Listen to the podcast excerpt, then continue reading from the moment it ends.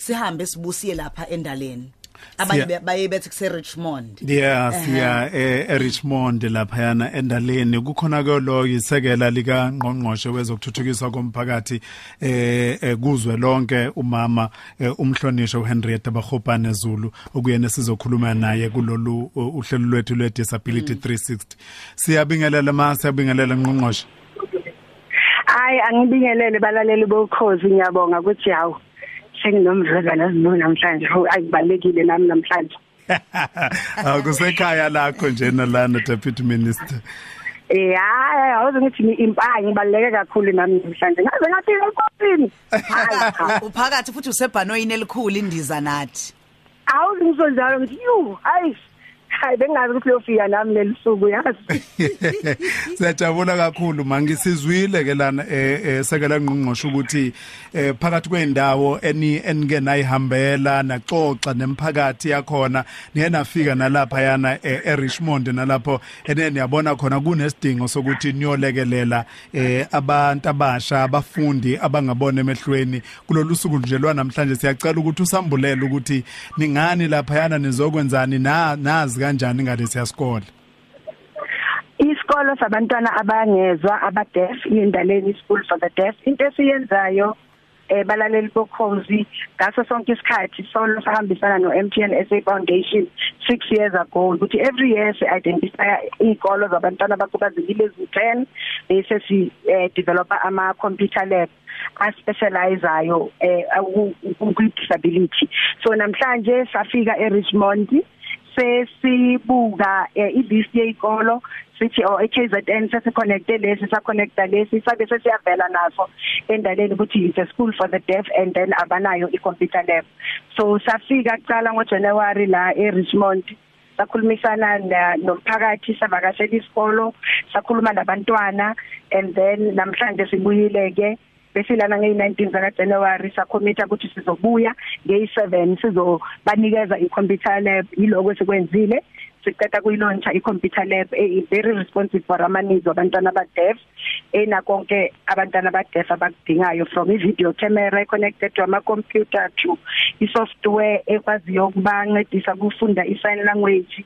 From ama-printer is a 22 seater computer lab.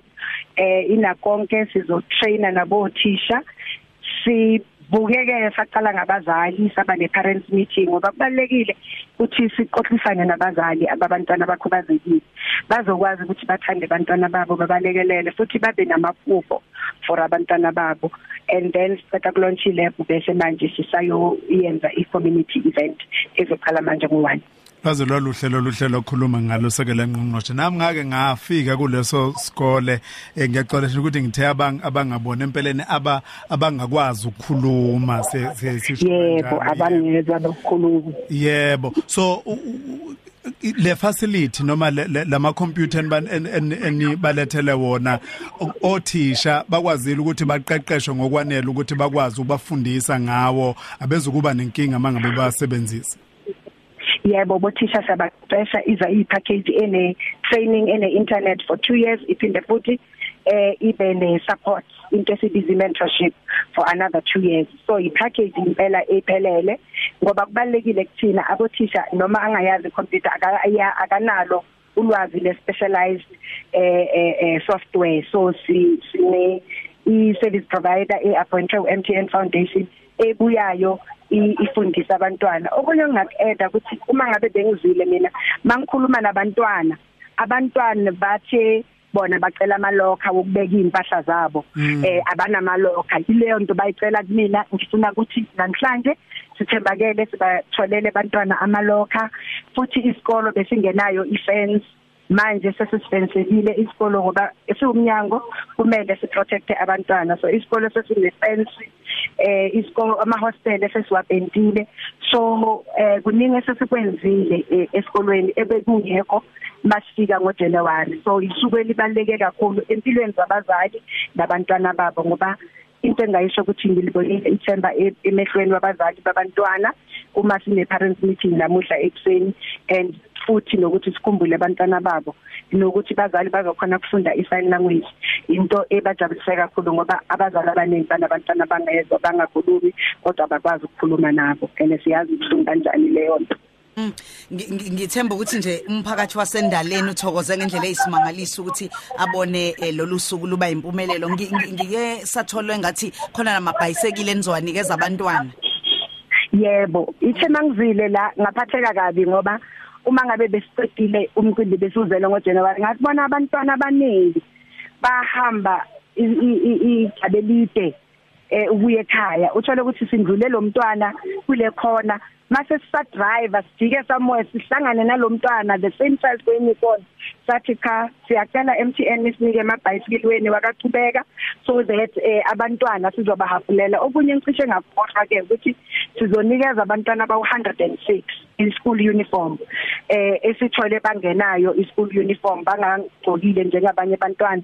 Namhlanje bazothola i school uniform esibuye eminyangweni futhi siphathi assess ama crash eh wonke asendaleni. Sizobanika ama toy educational toys e- ebawadingayo but also sizoqeqesha ama practitioners walawo ma crash eh njengoba so namhlanje sizobanika ama toys ukusukela kusasa bazobe banama educational toys ukufundisa abantwana ema crash kahle eh so isuku elibalekile umphakathi uphume ngokuningi i- i- usuku eli- elihle kakhulu. Ngifuna kusho nje ukuthi ngihlekise balaleli ukuthi ba- baze be- bomphakathi bathi hawu kanti vele uyadeliver lo hulumeni makafuna u2 months nje yonke into seyenziwe. Ni- ni- ni- nibuke nabona ukuthi eh kubalekile ukuthi nisale senifake ezinye ikole esingomakhelwane njengondaleni isidunge phatheni imkhuzane linwood no richly nawo abe khona abe ingxenye yalolu hlelo eh nibanikeza umfaniswano.